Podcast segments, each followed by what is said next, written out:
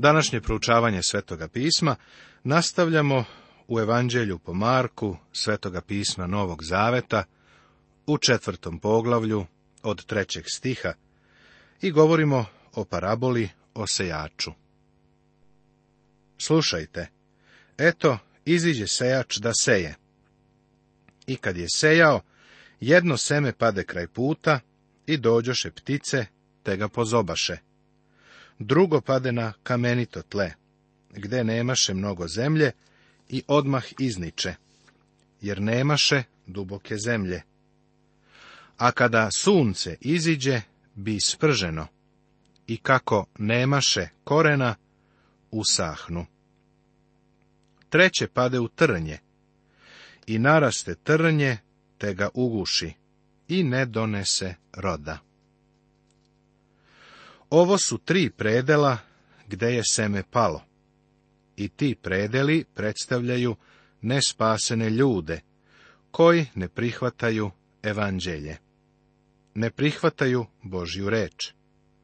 Njihovi životi su poput zemljišta, pored puta, gde ptice pozobaju seme. Đavo otme reč. Drugi su kao kamenito tlo, na kome ga sunce sprži, jer na njemu nema dovoljno dubine za seme. Na trnovitom tlu trnje zaguši seme. A onda je tu i dobro tlo. Četvrta pak padoše u dobru zemlju i u rod koji je napredovao i rastao i donese tridesetostruko i šestdesetostruko i stostruko. Tek četvrto je palo na dobro tlo. To tlo predstavlja one koji su spaseni, one koji su primili reč. Ali postoje različiti stepeni donošenja plodova. 30, 60 i 100%. Sećaš se da je gospod svojima rekao u besedi u gornjoj sobi pre odlaska u Gecimanski vrt. Ja sam pravi vinogradar. Zatim im je kazao da želi da oni donesu plod, više ploda i mnogo ploda. U ovom slučaju imamo tri stepena donošenja ploda kod onih koji njemu pripadaju baš kao što nalazimo takva tri stepena i u ovoj paraboli. I reče, ko ima uši da sluša, neka sluša. Isus ovdje upozorava. Ovo je kao kad bismo na raskrsnici pruga imali znak stani, pogledaj, slušaj. I pored ovog upozorenja, nekima je ovo promaklo. Jer u sljedećem stihu čitamo. A kada bi sam, pitahu ga za priče oni koji behu oko njega sa dvanaestoricom. I reče im, vama je dana tajna carstva Božijeg, a onima koji su na polju, sve biva u pričama, da gledajući gledaju i ne vide, i slušajući slušaju i ne razumeju, da se ne obrate i oprošteno im bude. Očigledno je bilo nekih koji uopšte nisu razumeli parabolu. Kada su ga pitali, on je odgovorio sa svim stihovima, koji u sebi sadrže izvestan stepen nejasnoće. Dozvoli mi da iznesem jedno objašnjenje koje može biti od koristi. Isus je od ovog momenta pa do kraja svoje službe pribegavao parabolama zbog hapšenja. Njegovi neprijatelji su odbacivali njegova učenja, a mnoštva naroda su postala ravnodušna prema duhovnim istinama bili su aktivno zainteresovani za njegova čuda, ali ih nisu duhovno primjenjivali. Zato on sada pribegava parabolama da bi podstakao njihovo interesovanje. Antagonistični stav koji su njegovi neprijatelji imali i mrtvilo i ravnodušnost, kao i nerazumevanje koje je vladalo u mnoštvu naroda, dovelo je do neophodnosti promene, odnosno do upotrebe parabola, tako da oni koji su bili gladni i žedni pravde mogu da se ispune, a oni koji su želeli duhovnu istinu, njima bi se oči otvarale. Istu misao pronalazimo u drugom poglavlju prve poslanice Korinčanima, gde apostol Pavle piše Nego propovedamo, kao što je napisano, što oko ne vide i uho ne ču i u ljudsko srce ne dođe, to ugotovi Bog onima koji ga ljube. A nama je Bog otkrio posredstvom duha, jer duh ispituje sve, i dubine Božije. Zatim nastavlja i u stihu 13 kaže sledeće.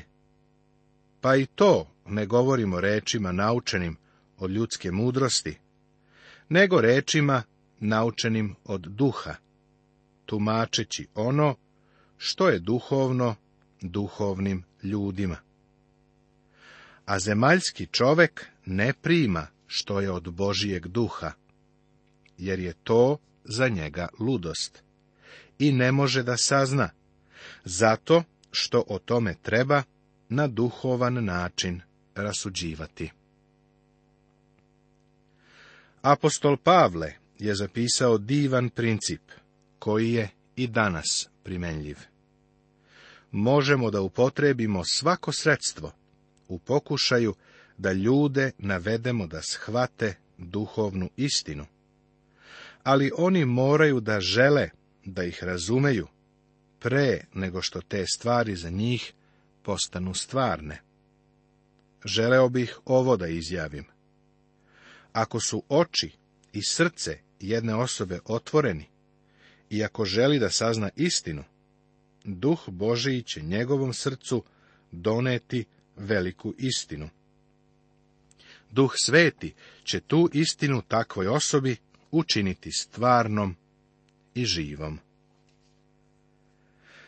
Ponekad koristimo izraz, znam, jer ga ja nepažljivo koristim, da ćeš biti izgubljen ako ne prihvatiš Hrista kao spasitelja. Ovo baš i nije istina, prijatelju, jer istina je da si ti već izgubljen. Ono što u stvari treba reći, jeste da ćeš ostati izgubljen ako ne primiš Hrista kao spasitelja. Nisi na suđenju, prijatelju. Ako si izgubljen, izgubljen si. Da li ćeš postati spasen ili ne, to zavisi od toga da li primaš reč Božiju i kako na nju reaguješ. Da li ćeš uzverovati u Hrista? da li ćeš ga prihvatiti kao spasitelja? Neko će možda reći da ovo prelazi u sferu filozofije, ali to nije istina. Neko smatra da je reč o tome da se od čoveka traži da uradi nešto nejasno, sujeverno. Uopšte se ne slažem sa tim prijatelju. Dozvoli da to ilustrujem.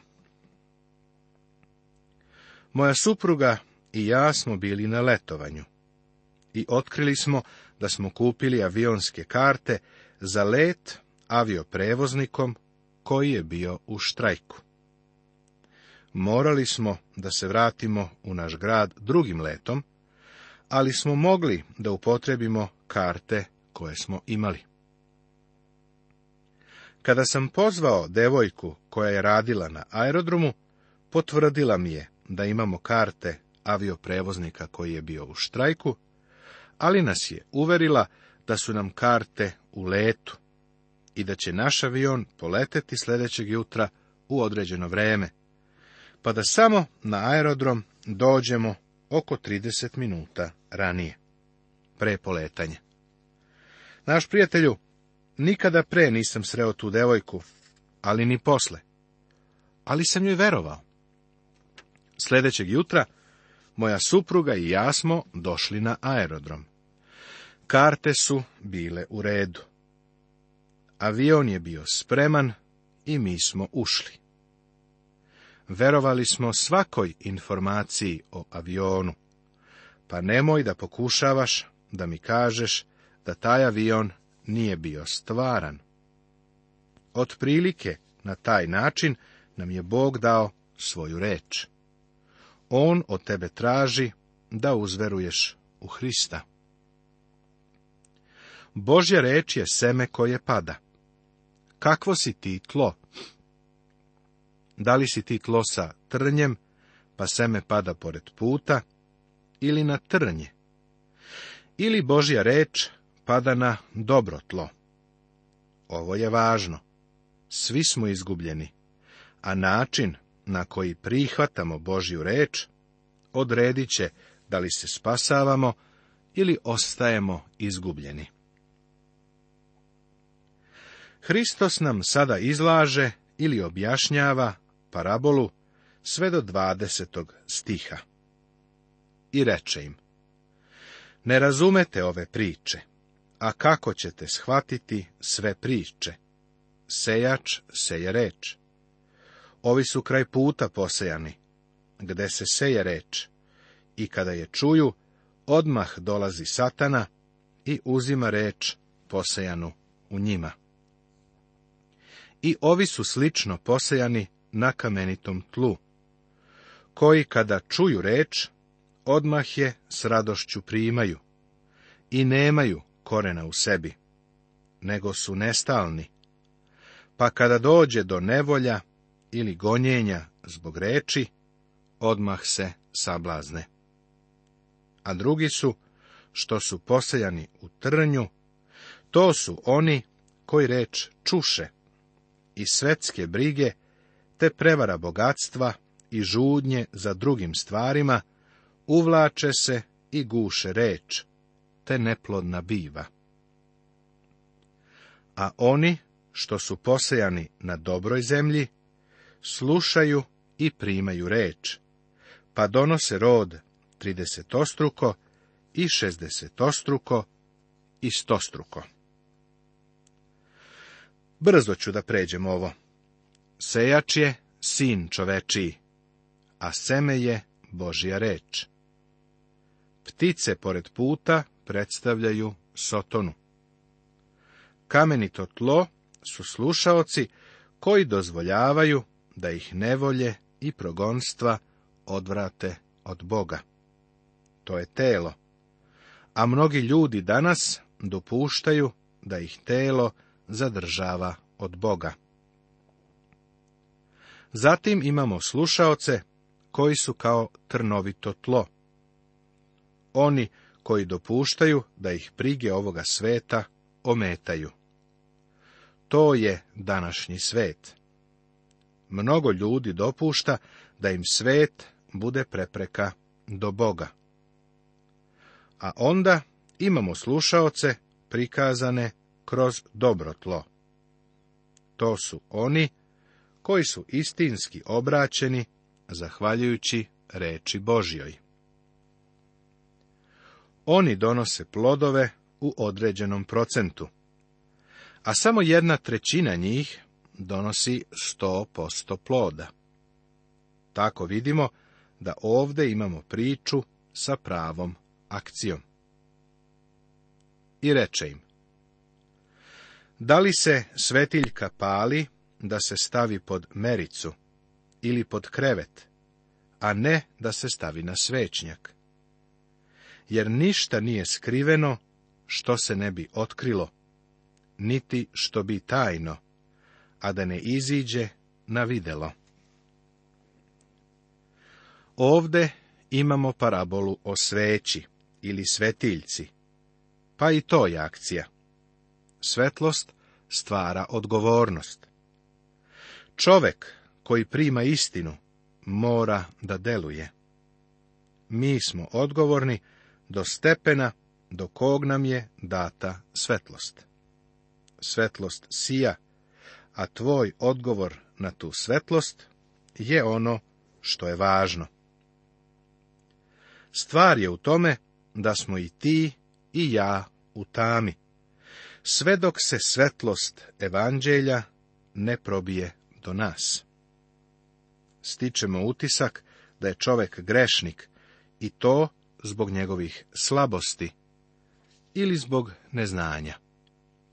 Ali apostol Pavle vrlo otvoreno kaže u poslanici Rimljanima Svetoga pisma Novog Zaveta u prvom poglavlju da ljudi kad su poznavali Boga nisu ga proslavili kao Boga. Čovek je voljni grešnik. Svi mi smo takvi grešnici a svetlost koja prodire stvorit će odgovornost. Izgubljeni smo, a ako ne prihvatimo svetlost, ako Hrista ne prihvatimo, ostajemo izgubljeni. Ko ima uši da sluša, neka sluša. Ovo je akcija. Bog zahteva tu akciju. Vera je akcija vera je delovanje na osnovu onoga što je Bog rekao. To je danas tako važno. Vratit ću se na ilustraciju našeg putovanja avionom. Moraš delovati na osnovu činjenice da imaš kartu. Moraš verovati i pouzdati se da postoji avion i da će te odvesti baš na mesto koje želiš ali samo sedeti na aerodromu i verovati nećete nikud odvesti. Moraš toliko verovati da se ukrcaš u avion. To znači verovati. I govoraše. Tako je carstvo Božije, kao kad čovek baci seme na zemlju i spava i ustaje noću i danju a seme niče i raste, sam ne zna kako. Zemlja sama od sebe donosi rod, prvo stabljiku, zatim klas, pa onda puno žita u klasu. A kad rod dopusti, odmah šalje srp, jer je žetva nastala. Ovde imamo neobičnu parabolu koju je gospod dao, a koju samo Marko beleži. I to je parabola o akciji. Reč je o carstvu Božijem. Seti se da sam rekao da su carstvo Božije i carstvo nebesko dva pojma koja se koriste. U stvari, oni su ovde sinonimi, samo što carstvo Božije nije identično sa carstvom nebeskim. Carstvo Božije je veće i podrazumeva ceo univerzum. Carstvo nebesko je Božja vladavina na zemlji i sadrži se naravno u carstvu Božijem. Gospod ovdje govori o rastu semena. Čak ni danas ne znamo previše o tome kako seme izrasta u biljku, a potom donosi plod. Ovo je do današnjeg dana ostala tajna. Ovo je još jedna priča sile i akcije. Tačna je stara izreka da iz malenog žira izraste veliki hrast. Nakon svih tih godina naučnog napretka, ljudi ne mogu mnogo šta da dodaju ovome. Osobina osmoze je malo doprinela našem poimanju, iako se naš rezervoar znanja povećao. U toku marta putovao sam iz jednog grada u našoj zemlji do drugog, na moru. Proleće je već bilo stiglo u južni deo naše zemlje. Drveće je pupilo, cveće cvetalo, a zemljoradnici su svuda orali i sadili. Niko nije mogao reći šta se dešava, ali su svi na to reagovali i prihvatali sa punim uživanjem i srećnim očekivanjem žetve koja će doći. U prirodi je oslobođena neverovatna sila, kada se azot zaodenuo zelenilom. Da je Bog dozvolio da se ona odmah oslobodi, došlo bi do stvaranja zvuka hidrogenske bombe, poput kineske prskalice. Ova priča ilustruje silu reči Božje koja deluje u našem srcu i životu. Kako je čudesna ova priča. Sada u ovom poglavlju imamo treću parabolu o semenu. I govoraše. Kako ćemo uporediti carstvo Božije ili u kojoj priči da ga izložimo?